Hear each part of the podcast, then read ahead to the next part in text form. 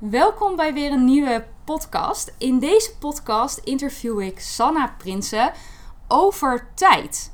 Tijd, uh, het meest kostbare eigenlijk wat we hebben. Althans, dat is hoe Sanna daarover denkt. En zelf ben ik daar de afgelopen jaren ook steeds meer op deze manier naar gaan kijken, naar mijn eigen tijd. Uh, Sanna zit bij mij in uh, het Big Impact programma. Um, ik heb haar de afgelopen maanden mogen coachen. En zij heeft echt een ontzettend tof bedrijf opgezet. Waarbij ze onlangs een planner heeft gelanceerd. Nou, eigenlijk kan je het geen planner noemen, want het is veel meer dan een planner, zoals ze het zelf noemt, een coach op papier. En um, ja, ik ga haar in deze podcast interviewen over tijd. Over hoe kan je beter met je tijd omgaan? Hoe kan je je tijd besteden aan wat je echt belangrijk vindt in het leven? Nou, ze staat hier tegenover me. Hoi Sanna. Hoi. Kan jij eens vertellen ja, wie je bent? Ik heb je natuurlijk al kort geïntroduceerd. Wie je bent en wat je doet. Ja, zeker. Nou, weet je, allereerst super leuk dat ik hier uh, mag zijn. Dankjewel voor de uitnodiging. Uh, ik doe het heel graag. Um, ja, ik ben dus Sanna, Sanna Prinsen. Ik heb um, het roer omgegooid en ik ben sinds medio dit jaar, 2020, voor mezelf begonnen. Ik heb een planner ontwikkeld en die planner die helpt je om eigenlijk bewuster om te gaan met je tijd. Dus je tijd zo in te delen uh, dat je prioriteit geeft aan de dingen die voor jou belangrijk zijn, waar jij je prioriteiten legt. Um, omdat ik ook weet, ook uit ervaring, dat als je dat niet doet, dat je eigenlijk wordt geleefd door de waan van de dag. En ik denk ook zeker in de situatie waarin we nu zitten, is dat gewoon best wel een heel actueel onderwerp. Werken en privé gaan door elkaar heen lopen. En dan is eigenlijk de tijd voor jezelf is het eerste wat van je lijstje afgaat. Um, en dat moet je eigenlijk zien te voorkomen. Omdat ik geloof er echt in dat als jij goed in je energie zit. En dat echt ook zorgt dat die energie hoog blijft. Dat je ook heel goed um, al je andere taken en uh, verantwoordelijkheden en verplichtingen kunt uh, vervullen in je leven. Oh, wat mooi hoe je dat zegt inderdaad. Hoe je tijdsbesteding ook weer je energie beïnvloedt. En daarmee dus eigenlijk wat er gebeurt in je leven. Of wat je manifesteert waarschijnlijk ook in je leven. Kan je eens meer vertellen over hoe dit is ontstaan? Want je bent inderdaad nu ongeveer een jaar hiermee bezig. Echt uh, fulltime hierop aan het ondernemen. Wat, uh, wat heb je hiervoor gedaan? Hoe, hoe is dit idee op je pad gekomen? Ja, het heeft een hele lange voorgeschiedenis. Um, als in, ik heb totaal het roer omgegooid. Ik ben epidemioloog, uh, opgeleid als epidemioloog. En ik heb als wetenschapper gewerkt um, voor een universiteit in Amsterdam. En dat heb ik heel lang met heel veel plezier gedaan. Ik ging echt eigenlijk altijd met, uh, met heel veel plezier naar mijn werk. Ik heb nooit een dag, echt letterlijk nooit een dag gehad waarvan ik dacht: oh, ik heb vandaag geen zin. Um, maar ik maakte carrière in de wetenschap. Ik heb promotieonderzoek gedaan. En uh, nou, dan groei je door op de academische ladder. En dan wordt er eigenlijk steeds meer van je gevraagd. En ik vond ook dat ik dat waar moest maken. Uh, ik had verschillende onderzoeksgroepen. Ik uh, begeleide onderzoek. Ik had zelf mijn eigen onderzoekslijn. En eigenlijk werd dat takenpakket steeds groter, steeds uitgebreider. En, um, nou, en eigenlijk om aan die verwachtingen van anderen te voldoen, ging ik steeds harder werken. Ik vond dat ik steeds een stapje vooruit moest blijven op de rest. En um, dat harde werken, dat zat er natuurlijk al wel een beetje in. Ik ben een harde werker van huis uit ook wel. Ik ben altijd ja, iemand die voor de volle 100% ergens voor gaat. Ik maak altijd dingen af waar ik aan begonnen ben. En ja, dat harde werken, dat zette zich eigenlijk ook door in mijn werk. En dat harde werken werd altijd beloond. Um, maar ik heb ook eigenlijk altijd wel het uiterste van mezelf gevraagd. En dat heeft, is me op een gegeven moment heel erg duur komen te staan. Um, ik wist dat ik te hard werkte en ik wist ook dat ik ergens um, nou ja, een stapje terug moest doen. En ondanks dat ik het wist, wist ik niet goed hoe dan. Ik had verschillende pogingen ondernomen om te kijken van, nou weet je, hoe kan ik dan echt dat stapje terug doen? Want ik wilde aan de verwachtingen voldoen, ik wilde uh, mijn werk goed blijven uitvoeren. Um, maar tegelijkertijd lukte het me dus niet om mijn eigen gedrag te veranderen. Want heel eerlijk, ik had mezelf gewoon aangeleerd om altijd maar een volle agenda te hebben. En ergens vond ik dat blijkbaar comfortabel, want anders deed, zou ik het niet doen. Um, maar het was wel een stukje gedrag wat ik lastig vond om om te buigen. En ik was stiekem ook een beetje eigenwijs, want ik heb altijd gedacht, weet je, die burn-out, ik moet ervoor uitkijken, maar het overkomt mij niet. Um, en dat is denk ik wel de grootste valkuil waar ik wel ben ingetrapt, want op een gegeven moment kwam die burn-out er toch. Um, ja, dus dat was eigenlijk voor mij een soort van moment in mijn leven waarop ik echt letterlijk werd gedwongen om stil te staan. En toen ben ik ook echt gaan nadenken van ja, wat wil ik? Want wat ik deed, nogmaals, ik ben altijd met heel veel plezier naar mijn werk gegaan. Maar het is wel de plek ook waar ik ziek ben geworden. Ehm, en als ik één ding wilde, ik wilde echt heel graag herstellen van die burn-out. En dat betekende dat ik weer energie moet krijgen in de dingen die ik doe in het leven. Ja. En ehm, ik wist ook, ik moet een stukje gedrag veranderen. Want anders blijf ik in diezelfde spiraal. Ik blijf dan in die valkuil stappen van... hé, hey, uh, je vraagt te veel van jezelf. Doe het eens rustiger aan. Want wat ik heel erg gewend was om te doen... is om eigenlijk altijd maar te werken. Dus ik nam geen moment voor mezelf. Ik, had, ik heb een gezin met drie jonge kinderen. Um, en eigenlijk tijd voor mezelf... ja, dat, dat, dat nam ik niet meer. Ik, ik sportte niet meer. Ik zag mijn vriendinnen minder... Uh, mijn hobby's deed ik niet meer. Dus eigenlijk was het mijn gezin en mijn werk. Dat waren mijn, ja, daar besteed ik eigenlijk mijn tijd aan. Ja. En uh, dat is heel lang goed gegaan, maar op een gegeven moment niet. En ja, dat heeft voor die ommezwaai gezorgd. Ja. En tijdens die burn-out was voor mij mijn grootste doel om mijn energie terug te krijgen. En ik ben gaan nadenken van ja, wat heb ik nou misgedaan? Wat, of nou, misgedaan is misschien niet het goede woord.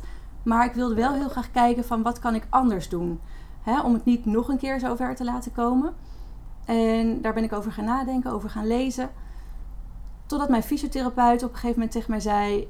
Want ik liep ook voor ernstige bekkeninstabiliteit bij de fysiotherapeut. En zij zei tegen mij... Sanna, je moet, mijn, je, moet je rustmomenten gaan inplannen. En het was eigenlijk een terloopse opmerking van haar. Zo bij het weggaan eigenlijk. Maar ik dacht wel van hier zit... Hier, dit is hier zit het hem in. Ik moet mijn rustmomenten gaan inplannen om te herstellen van die burn-out en om te herstellen van die bekkeninstabiliteit. En toen is het kwartje gaan, ja, of eigenlijk het balletje gaan rollen. Um, want ik heb mijn planning nooit, mijn planning voor mezelf nooit goed op orde gehad. Ik was heel goed om mijn werk te plannen, maar eigenlijk mijn, mijn eigen leven plannen. En dat klinkt heel rigide, maar zo zie ik het totaal niet. Um, maar dat was wel wat er ontbrak in mijn leven. Dus door het nu wel te plannen, wel die momenten te plannen van ontspanning, van rust, um, wel de prioriteiten voorrang geven in mijn agenda, die zorgen er nu voor dat ik veel meer die balans ervaar waar ik ja, eigenlijk naar op zoek was. En door dat te doen, dus eigenlijk uh, ja, veel beter voor mezelf um, prioriteiten stellen. En het uitdenken en het uitwerken van mijn ideeën die ik hierover had, heb. Want ik dacht van ja, ik moet dit dit moeten meer mensen weten. Ik, als, ik, als het mij helpt, dan kan het een ander ook helpen. Dus het uitwerken van dat idee, dat gaf me heel veel energie. In de combinatie met ook daadwerkelijk de rustmomenten nemen en mijn hobby's en mijn sport langzaam weer oppakken. Ja, dat heeft er wel voor gezorgd dat ik mijn energie weer terug heb gekregen. En dat ik dat nu ja, veel beter ja, in balans kan houden. In, ja. Ja. Wat mooi. Echt wel heel inspirerend verhaal. Inderdaad, hoe je in een hele korte tijd eigenlijk best wel je hele leven gewoon totaal omgegooid hebt. Je zei net in jouw verhaal van hey, ik wist op een gegeven moment wel dat ik altijd hard aan het werk was. Dus je had dat realisatiemoment. Zag je zo'n burn-out dan ook aankomen? Was dat iets waar je bang voor was dat dat zou gebeuren? Nee, ik ben eigenlijk altijd heb ik gedacht van zoiets zie je dus aankomen. Hè? En dan kan je tijdig op de rem trappen en dan, en dan ben je het voor. En ik, ik was al in de, in de. Want als ik het heb over een, een jaren hard werken, heb ik het zeker over 10, 12 jaar volledig voor die academische carrière gaan. Um, maar ik zag het dus niet aankomen. Ik ben wel. Ik, ik had op een gegeven moment, het jaar voordat ik echt in de burn-out raakte, dacht ik van: nu moet ik op mijn tellen gaan passen. Um, maar eh, eh, ik denk dat ik gewoon te eigenwijs ben geweest om het niet te willen zien. Ik sloot letterlijk mijn ogen ervoor. Ja. ja. En dat is, dat is gebeurd. En toen kwam het sterker, het kwam als verrassing. Dus ik werd er echt door overvallen. En dat is ook wel wat ik van andere mensen hoorde. Dat hè, op het moment dat zij in een burn-out raakten, ja, het overkomt je. En dat wilde ik eigenlijk nooit zo geloven. En ik dacht, nee, het overkomt je niet. Je ziet het toch aankomen. Maar letterlijk, ja, het, over, het overkomt je. Ja, ja. ja hoe, uh, hoe is dat uiteindelijk jou overkomen? Was dat van de een op de andere dag dat je in één keer een burn-out had? Of ging dat heel geleidelijk? Nee, ik denk dat ik. Nee, zoiets sluipt er wel in. Um, ik heb inderdaad te lang uh, uh, op mijn energiereserves geleefd. Um, en dat gaat heel lang goed. En ik heb een hele sterke wil. Dus mijn, ja, ik krijg veel voor elkaar omdat ik mijn zinnen ergens op heb gezet. Omdat ik het dan ook ga doen. En ehm, ik heb me de, de signalen van mijn lichaam genegeerd. Dat is eigenlijk wat ik ja, stelselmatig gedaan heb. Ehm, want natuurlijk had ik de signalen van mijn lichaam. Alleen ik herkende ze niet altijd. En uh, de signalen die ik wel herkende, die negeerde ik. Ja. ja. ja. En dat heb ik, ja, dat heb ik te lang gedaan. Ja. Oh ja. En wat was het moment dat, uh, dat je echt merkte van... hé, hey, zo kan het niet meer verder. Wat gebeurde er toen? Ja, het was, het was in de week van de werkstress. Eigenlijk deze week, maar dan precies twee jaar geleden. Dat is echt, uh, echt uh, een toeval. Um, maar ik zat in een collegezaal en bij ons, ik werkte toen voor het VUMC, wat nu dan het Amsterdam UMC is. En er was een hoogleraar uitgenodigd, een hoogleraar psychiatrie. En hij gaf een lezing over uh, ja, zeg maar de periode tot, van de oerknal tot aan nu. Dat, hè, dat we in, best wel in een soort van ja, periode zitten waarin heel veel mensen last hebben van een burn-out. Dus hij relateerde dat aan elkaar. En zijn eerste, nou ja, 15 minuten van zijn lezing, die besteedde hij aan de diagnostiek. Wanneer ehm, heb, je te maken met overspannenheid en wanneer zit je in een burn-out? En hij he, bladerde zo door die dia's heen en ik dacht bij mezelf, dit gaat over mij en ik schrok ervan. Want het was echt letterlijk één voor één kon ik alles afvinken. En ik, ehm, ik zat in de collegezaal en het, nou ja, die collegezaal zat vol. Dus ik kon geen kant op, maar ik begon te huilen. En ik dacht, ja, ik schrok er dus van. En, maar dat was wel een realisatie dat ik dacht, oh, ik moet echt gaan oppassen nu. Dus hè, die lezing die was om, om drie uur s middags afgelopen. En ik dacht, ik pak nu de trein terug naar huis. Dan ga ik ook niet meer werken s middags. Dan vond ik wel dat ik die middag vrij af kon nemen. Um, uh, dus ik ben, ja, ik ben naar huis gegaan met het idee van morgen gaat het wel weer. En de volgende dag stapte ik weer op de fiets. Um, om kwart over zeven. Want ik had echt, ik hield er belachelijke werktijden op na. Ik ging echt heel vroeg van huis. Um, maar ik zat op de fiets uh, heel vroeg al. En ik reed naar het station en ik begon dus te huilen uit het niets. En toen dacht ik, waar komen die tranen nou vandaan? En ik, ik begreep er helemaal niks van. En het is ongeveer nou een kleine tien minuutjes fietsen van mijn huis naar het station. En ik dacht, oké Sanne, herpak je even. Het gaat zo wel weer. Um, en dan, pak je, hè, dan, dan kun je in de trein even bijkomen. Want ik, ik was op weg naar een congres waar ik moest spreken. Ik stond op, op het programma voor anderhalf uur spreektijd. En ja, dat kon ik toch niet missen, vond ik van mezelf. Um, maar die tranen bleven komen en ze stopten niet meer. En dat was wel heel gek, want ik was niet soort van heel hard aan het huilen, maar die tranen bleven wel komen. En toen dacht ik, wat gebeurt er? Dus ik wilde mijn fiets in de, in de fietsenstalling zetten, de bewaakte fietsenstalling. En toen kwam een vriendinnetje van mij net uit die fietsenstalling lopen. En ik dacht nog, oh, ik hoop niet dat ze me ziet. En natuurlijk zag ze me wel. En ze zei, Sanna, wat is er met jou aan de hand? Ik zeg, ja, ik weet het ook niet, maar het gaat geloof ik niet goed. Nee, zegt ze, wat ga je doen? Ik zeg, nou, ik ga mijn fiets parkeren, want ik heb een presentatie. Ik moet spreken op een congres. Um, maar je kan, niet, je kan zo niet je kan zo niet verder. Misschien moet je naar huis gaan en, nou ja, hè, in ieder geval je even ziek melden, want het gaat echt niet goed met je.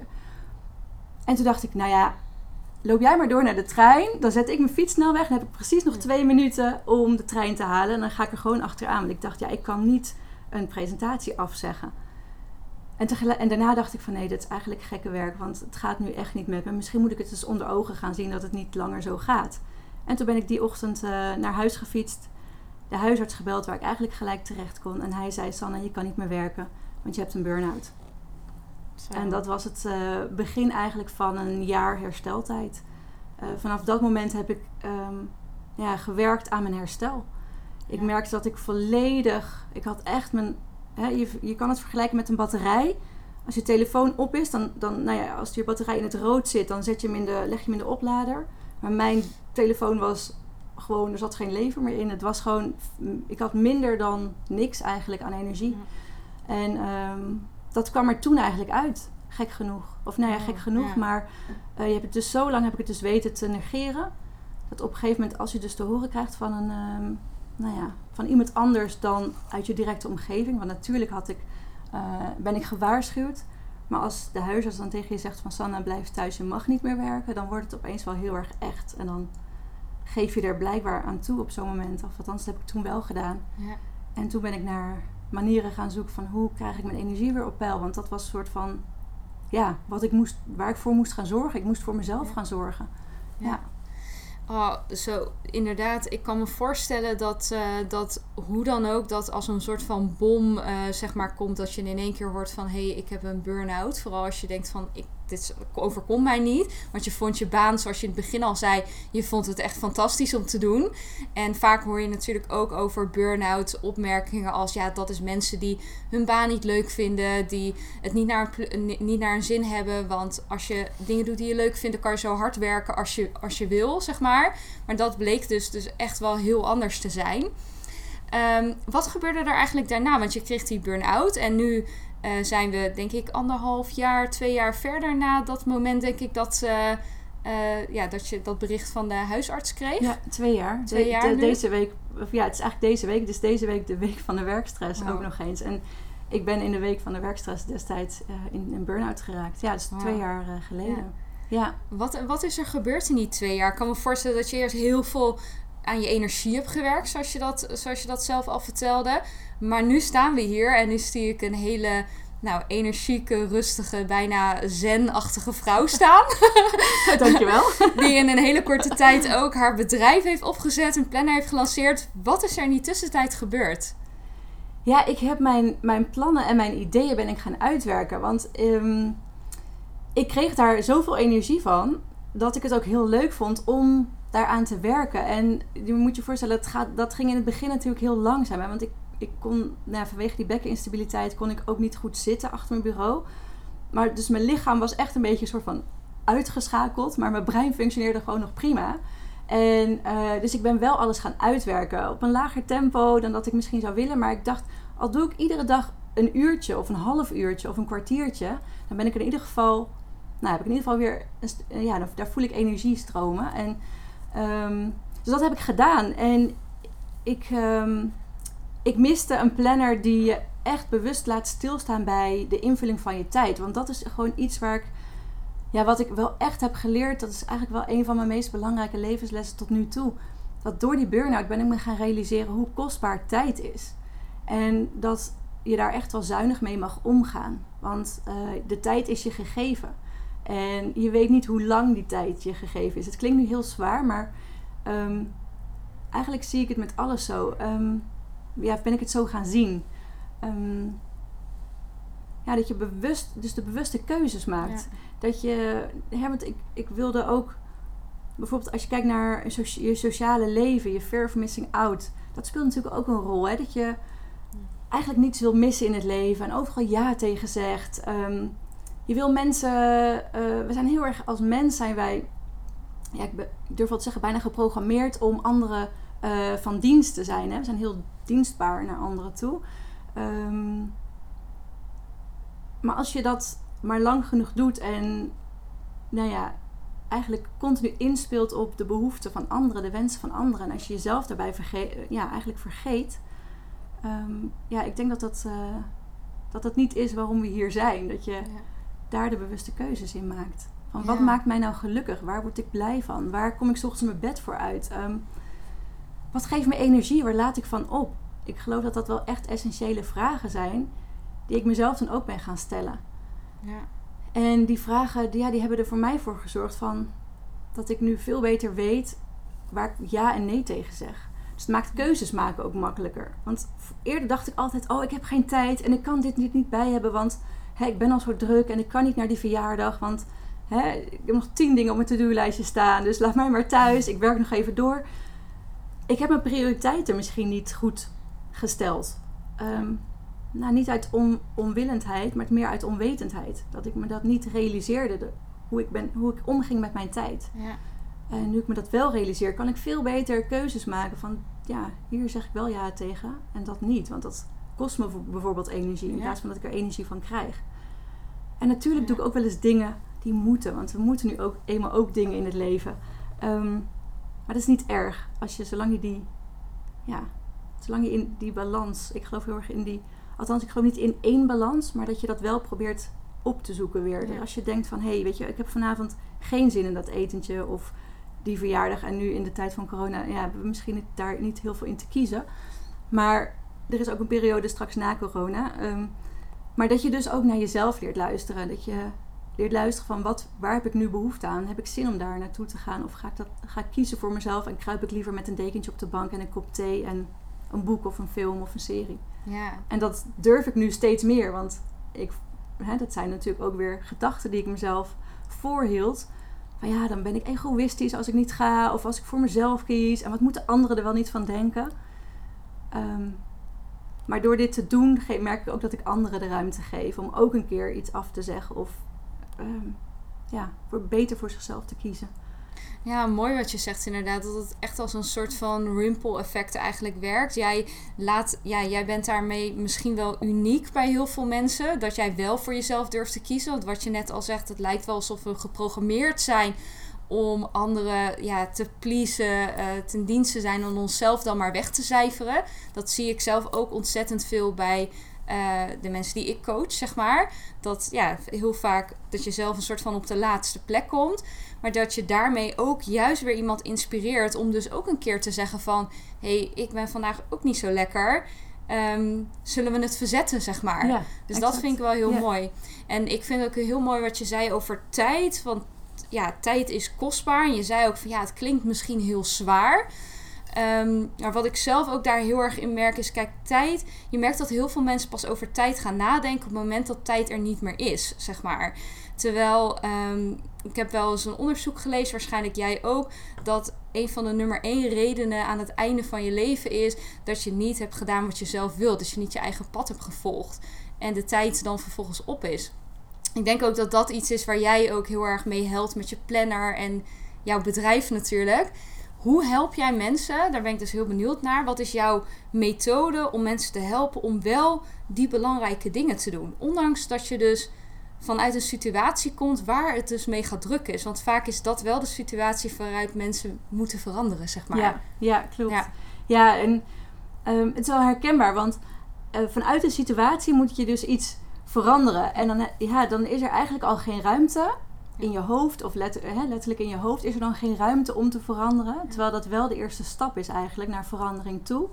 Ehm, waar ik mensen mee help is om, om eigenlijk op een andere manier naar, naar ehm, ja, belangrijkheid te kijken. Naar, kijk, we, we worden heel erg, onze levens worden heel erg ingevuld door dingen die urgent zijn. En daar springen wij op in als mens, want dan, hè, dat geeft dan die dat, dat stukje voldoening of hè, het is fijn voor je ego. Ehm, eh, het, levert je ook wat op om dat te doen. Hè? Dus hè, een, baas die wat vraagt, een klant die wat van je wil weten of wat van je wil hebben. Ehm, vanuit je gezin, vanuit je, nou ja, vanuit allerlei rollen ehm, moeten er dingen gebeuren. En we zijn heel erg gewend om ons daarop te richten. Maar als je nou eens op een andere manier kijkt en je laat die urgentie even los en je gaat kijken vanuit een perspectief waarnaar je, hè, waarnaar je naar belangrijkheid gaat kijken. Dus wat is voor jou belangrijk? En als je die punt voor jezelf duidelijk hebt en helder hebt, als je die nou als allereerste in je agenda zet. Hè, dus dat kan zijn, uh, het kunnen dingen zijn um, in je werk die jij heel belangrijk vindt. Dat kan, heeft, het hoeft niet alleen maar te maken te hebben met uh, neem voldoende ontspanning en ga voldoende naar buiten. En, hè, dat, maar je werk kan je ook voldoening geven. Het kunnen net zo goed aspecten zijn die je belangrijk vindt. Dus als je nou eens eerst die belangrijke dingen opschrijft in je agenda. En als je daarna de urgente dingen, hè, die jij voor jezelf normaal gesproken als urgent beschouwt, om die er dan ja, eigenlijk in te weven. Dus uh, erbij te zetten. En wat niet deze week kan, dat schrijf je door naar volgende week. Als je op die manier uh, je agenda vult en je dag indeelt of je week indeelt, dan doe je in ieder geval de dingen waar jij blij van wordt en waar je energie van krijgt. En ik geloof erin dat als je daar je prioriteiten legt, dat, hè, dus als je voorrang geeft aan de dingen die je energie geven, dat je ook voldoende energie hebt om de andere zaken daaromheen, de urgente zaken die je normaal gesproken als urgent beschouwt, om die uit te voeren en die te doen. En waarschijnlijk ook nog eens sneller, omdat je eenmaal hoger in je energie zit. Ja. Ja, dat is natuurlijk ook een mooi wat jij zegt. Als je natuurlijk de dingen doet eh, die je belangrijk vindt, zijn waarschijnlijk de dingen ook waar je bepaalde soort voldoening uit, uit ervaart. Misschien, zoals ik dat zelf ook noem, bepaalde purpose in je leven geven, reden Ja. van bestaan. En dat geeft zo'n ongekende energie natuurlijk, die je weer terugziet in alle andere facetten die dan misschien op nummer twee staan, zeg maar, maar wel moeten gebeuren. Ja. Eh, want ja, wat jij zelf ook altijd zegt van... eh, soms moeten dingen wel gewoon gebeuren. Je bent niet tegen, dat, ja, tegen zeg maar, een leven met alleen maar eh, relaxen. Soms moeten dingen gebeuren, maar de belangrijkste dingen zeg maar eerst plannen. Ja, Ja. exact dat. Ja, tof. Ja, ik geloof dat, dat daar, ja, als je op die manier leert om met je tijd om te gaan. Want het heeft bij mij ook even geduurd voordat ik dat, ja, dat, voordat ik me dat eh, nou, in eerste instantie realiseerde. En nu heb ik het mijn eigen gemaakt. En kost het me eigenlijk ook veel minder moeite om dat, ja, dat nieuwe stukje, ja, wat ik nu in mijn gewoonte heb zitten eigenlijk, of in mijn gedrag, dat ik daar meer prioriteit aan geef. Hoe, hoe denk jij eigenlijk over productiviteit? Want ik heb best wel veel eh, productiviteitsboeken verslonden. Eh Getting Things Done en eh Edith Frog en allemaal van dat soort boeken, zeg maar. Die je helpen om steeds maar wat efficiënter en harder te werken. Ehm, hoe, hoe kijk jij daar tegenaan? Tegen dat, ja, dat soort vormen van productiviteit? Ja, het is heel erg de tendens hè, nu dat we nog meer moeten doen in nog minder tijd, ehm, nog efficiënter gaan werken. Ehm, en als we dat gaan doen, of als we dat doen, dan zijn we eigenlijk gericht hè, want je, de, op de to-do-lijstjes. De dingen die op je afkomen, ehm, die aan je gevraagd worden, die je dan maar snel eventjes tussendoor doet. Of ja, omdat het, ja, dat zijn de dingen die je, die je vaak moet van anderen. Maar je vergeet daarbij het aspect belangrijkheid. Want ze zijn niet allemaal belangrijk. Althans, misschien voor een ander, maar niet per se voor jou. En ik denk dat daar het grote verschil in zit. Als, als je je laat leiden door alle, alles wat er op je afkomt, dan laat je eigenlijk leiden door de waan van de dag.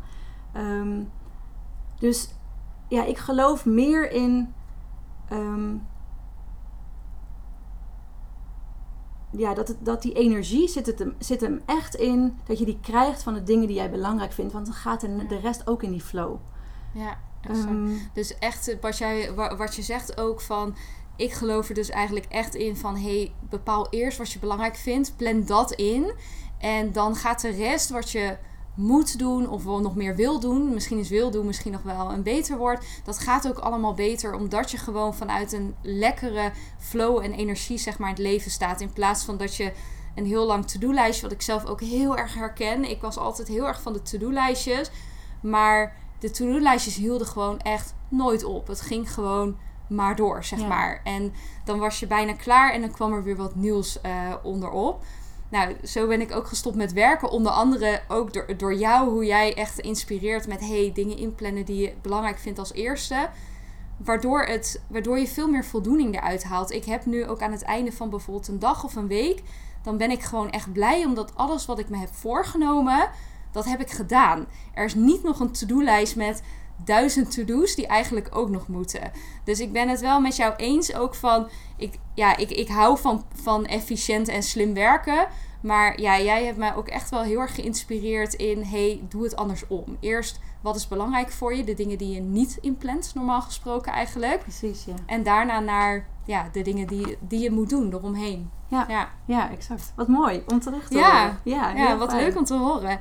Hey, hoe zit jij, ehm, hoe, denk jij over ondernemers? Ik, ik coach natuurlijk heel veel ondernemers. En een hele grote uitdaging die veel ondernemers hebben is dat ze heel erg worden opgeslokt. Eigenlijk ook weer door die to-do's of door hun klanten of door ehm, samenwerking. En eigenlijk constant in hun bedrijf aan het werken zijn. En daar helemaal door worden opgeslokt.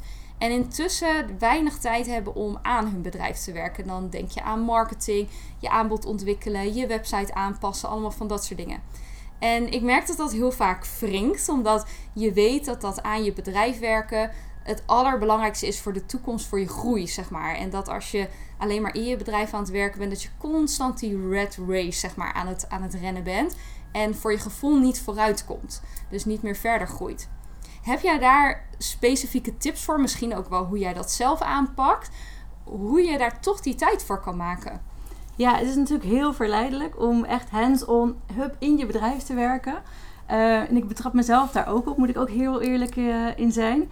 Um, maar wat mij heel erg helpt, is om ja, toch een plan te hebben. Een plan voor um, wat je wilt doen aan je bedrijf.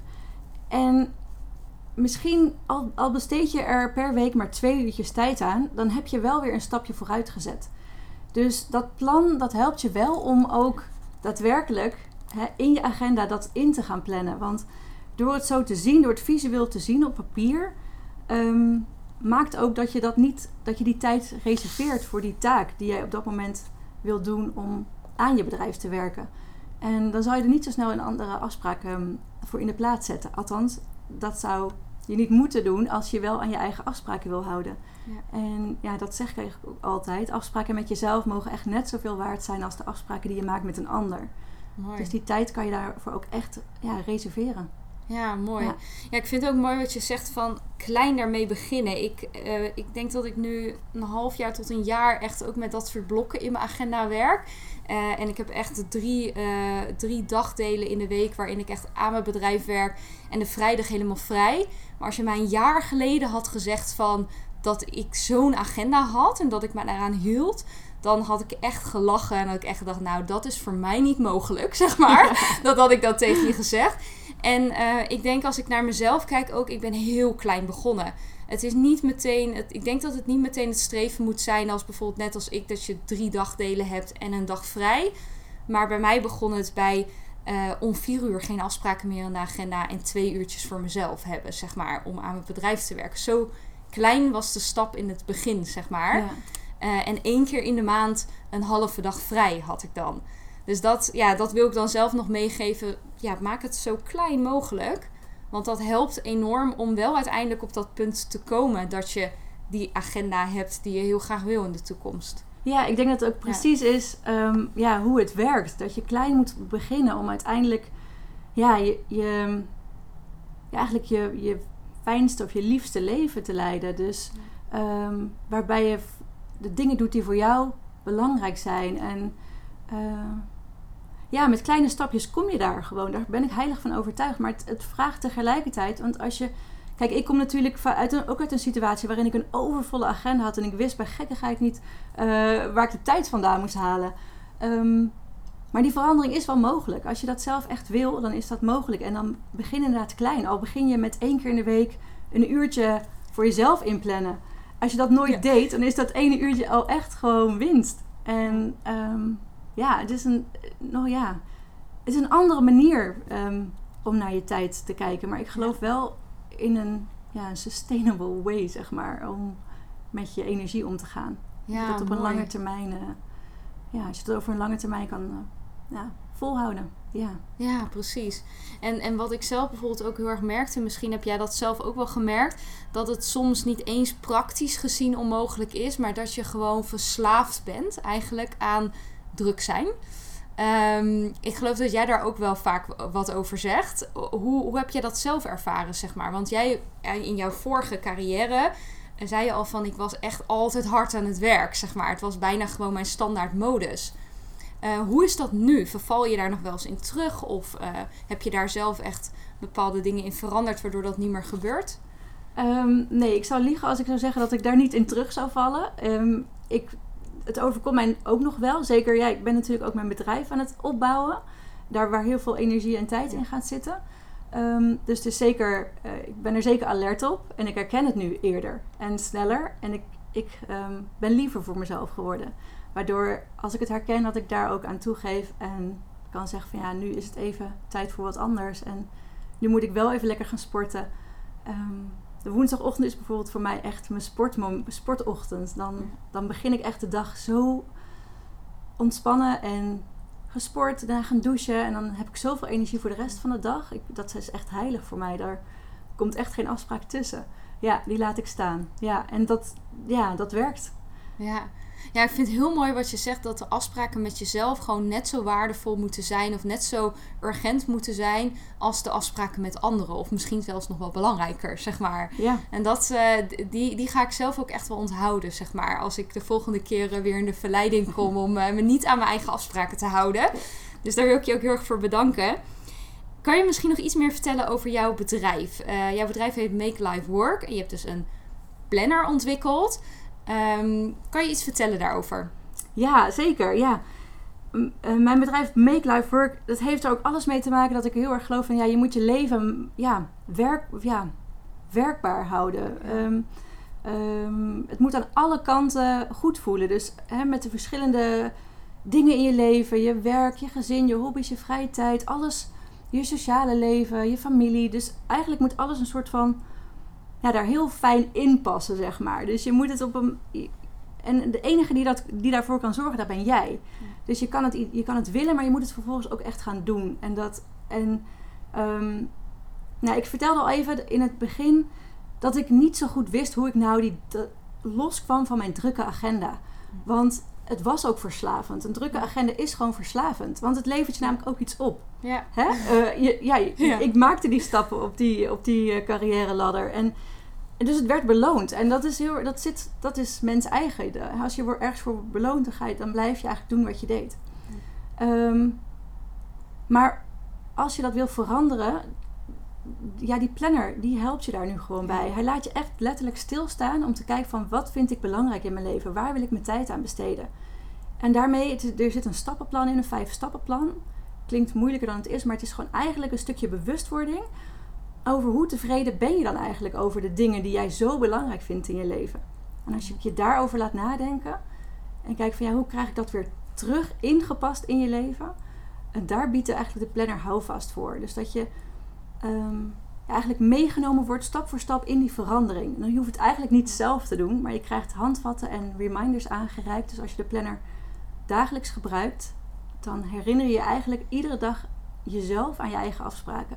En aan de dingen die jij belangrijk vindt, om daar dus die prioriteit aan te geven. Dus eigenlijk ja, is het een soort. Ja, ik, jij zei het al in de introductie, een coach op papier. Hij neemt je echt mee door dat jaar heen om te zorgen dat je die verandering in je leven, hè, dus van overvolle agenda, overvol druk, gehaast leven naar wat meer ja, ease wil ik eigenlijk zeggen. Dus meer rust en meer ontspanning. Ja, mooi. Ik, ik, ik denk ook zelf als ik... Uh, ik heb de planner ook. En uh, ik heb heel veel zin om ook echt met dat vijf stappenplan aan de slag te gaan. Ik ben ook echt van plan om daar mijn jaar mee te, ga, mee te gaan starten. Maar wat ik zo mooi vind aan de opbouw van de planner... is echt dat je gaat niet één keer nadenken over een paar vragen. Maar je wordt eigenlijk elke keer wordt het herhaald in jouw planner om daarbij stil te staan. En om het wekelijks ook te implementeren. Want ja, het verschil zit hem echt op het week-dagniveau zelfs. Wat je natuurlijk daadwerkelijk gaat doen. In plaats van één keer zo'n vragenlijstje invullen. En jij helpt echt met die planner gewoon van A tot Z om het te integreren in je leven wat je echt belangrijk vindt. Ja. Vind ik heel tof. Ja. Dankjewel. Ik, uh, ik ga onder de uh, podcast ga ik ook een linkje plaatsen naar de planner toe. Je kan hem via bol.com bestellen. Je kan hem ook via Sanna de website bestellen. Um, waar kunnen mensen jou volgen? Ja, ze kunnen op Instagram kunnen ze mij volgen. Op mijn account Sanna, uh, nee, Sanna Prinsen aan elkaar, zonder punt. En op makelifework.nl. Daar zit dat puntje wel tussen. Um, ja, dus daar kun je me volgen. En uh, ja, natuurlijk, ja, de, de planner staat op de website. Dus als je benieuwd bent hoe die eruit ziet, dan staan er iets van 12 foto's op de website. Je kan echt door de planner heen bladeren, virtueel. Uh, je krijgt echt wel een goed idee daarbij, een goede indruk van ja, wat de planner te bieden heeft. Want het is echt wel, ja, inderdaad meer dan alleen een weekagenda. Um, dus ja, ik neem gerust even een kijkje als je denkt van hé, hey, dit zou misschien wat voor me kunnen zijn. Mooi. Nou, heel erg bedankt. Heb jij nog, wil je nog een boodschap uh, geven aan de luisteraar van wat wil je meegeven als iemand nu op dit moment die overvolle agenda helaas heeft, die druk heeft, misschien een druk gezin erbij heeft, um, een onderneming aan het opstarten is, want de meeste, uh, meeste luisteraars zijn, zijn ondernemers. Wat zou je willen meegeven als boodschap? Wauw, ja, wat een mooie vraag. Ja, wat ik wil meegeven is. Um, ja, dat is mijn grootste inzicht tijdens mijn burn-out toch wel geweest. Dat tijd echt een kostbaar bezit is. Dat je echt zuinig mag zijn op je tijd, daar bewust mee omgaat, mag gaan. Um, het geldt ook voor andermans tijd. Zo, zo, daar ben ik ook wel op een andere manier naar gaan kijken. En vooral ook dat je bij jezelf nagaat. Ja, ben ik eigenlijk wel tevreden hoe ik mijn tijd op dit moment invul? Of voel ik ook me gehaast, gestrest? ben ik ook aan het rennen en aan het vliegen, de race tegen de klok. Ehm, en kijk eens van ja, hoe kan je daar al een kleine verandering in aanbrengen? Dat je je minder gestrest voelt, minder gehaast. Ehm, dat, je ja, dat je ook echt ja, lief voor jezelf mag zijn, goed voor jezelf mag zorgen. Kijk eens wat daarbij helpt. Ehm, ja, al is het maar een wandelingetje één keer in de week. Of ja, begin Ja. klein. En het zijn vaak al de kleine, de kleine stapjes die al een verschil kunnen maken. Want ja, als, je daar energie, als je daar je energie uithaalt, echt uit kunt halen, dan gaan zoveel dingen zoveel makkelijker. Ja, mooi. dat. Oh, dankjewel voor deze mooie afsluiting. Ik vind het heel mooi hoe je inderdaad zegt van het begint zo klein. Dat ene momentje voor jezelf, dat ene wandelingetje, gaat jezelf alsjeblieft gewoon gunnen. Kijk wat je nodig hebt. Dankjewel, Sanna.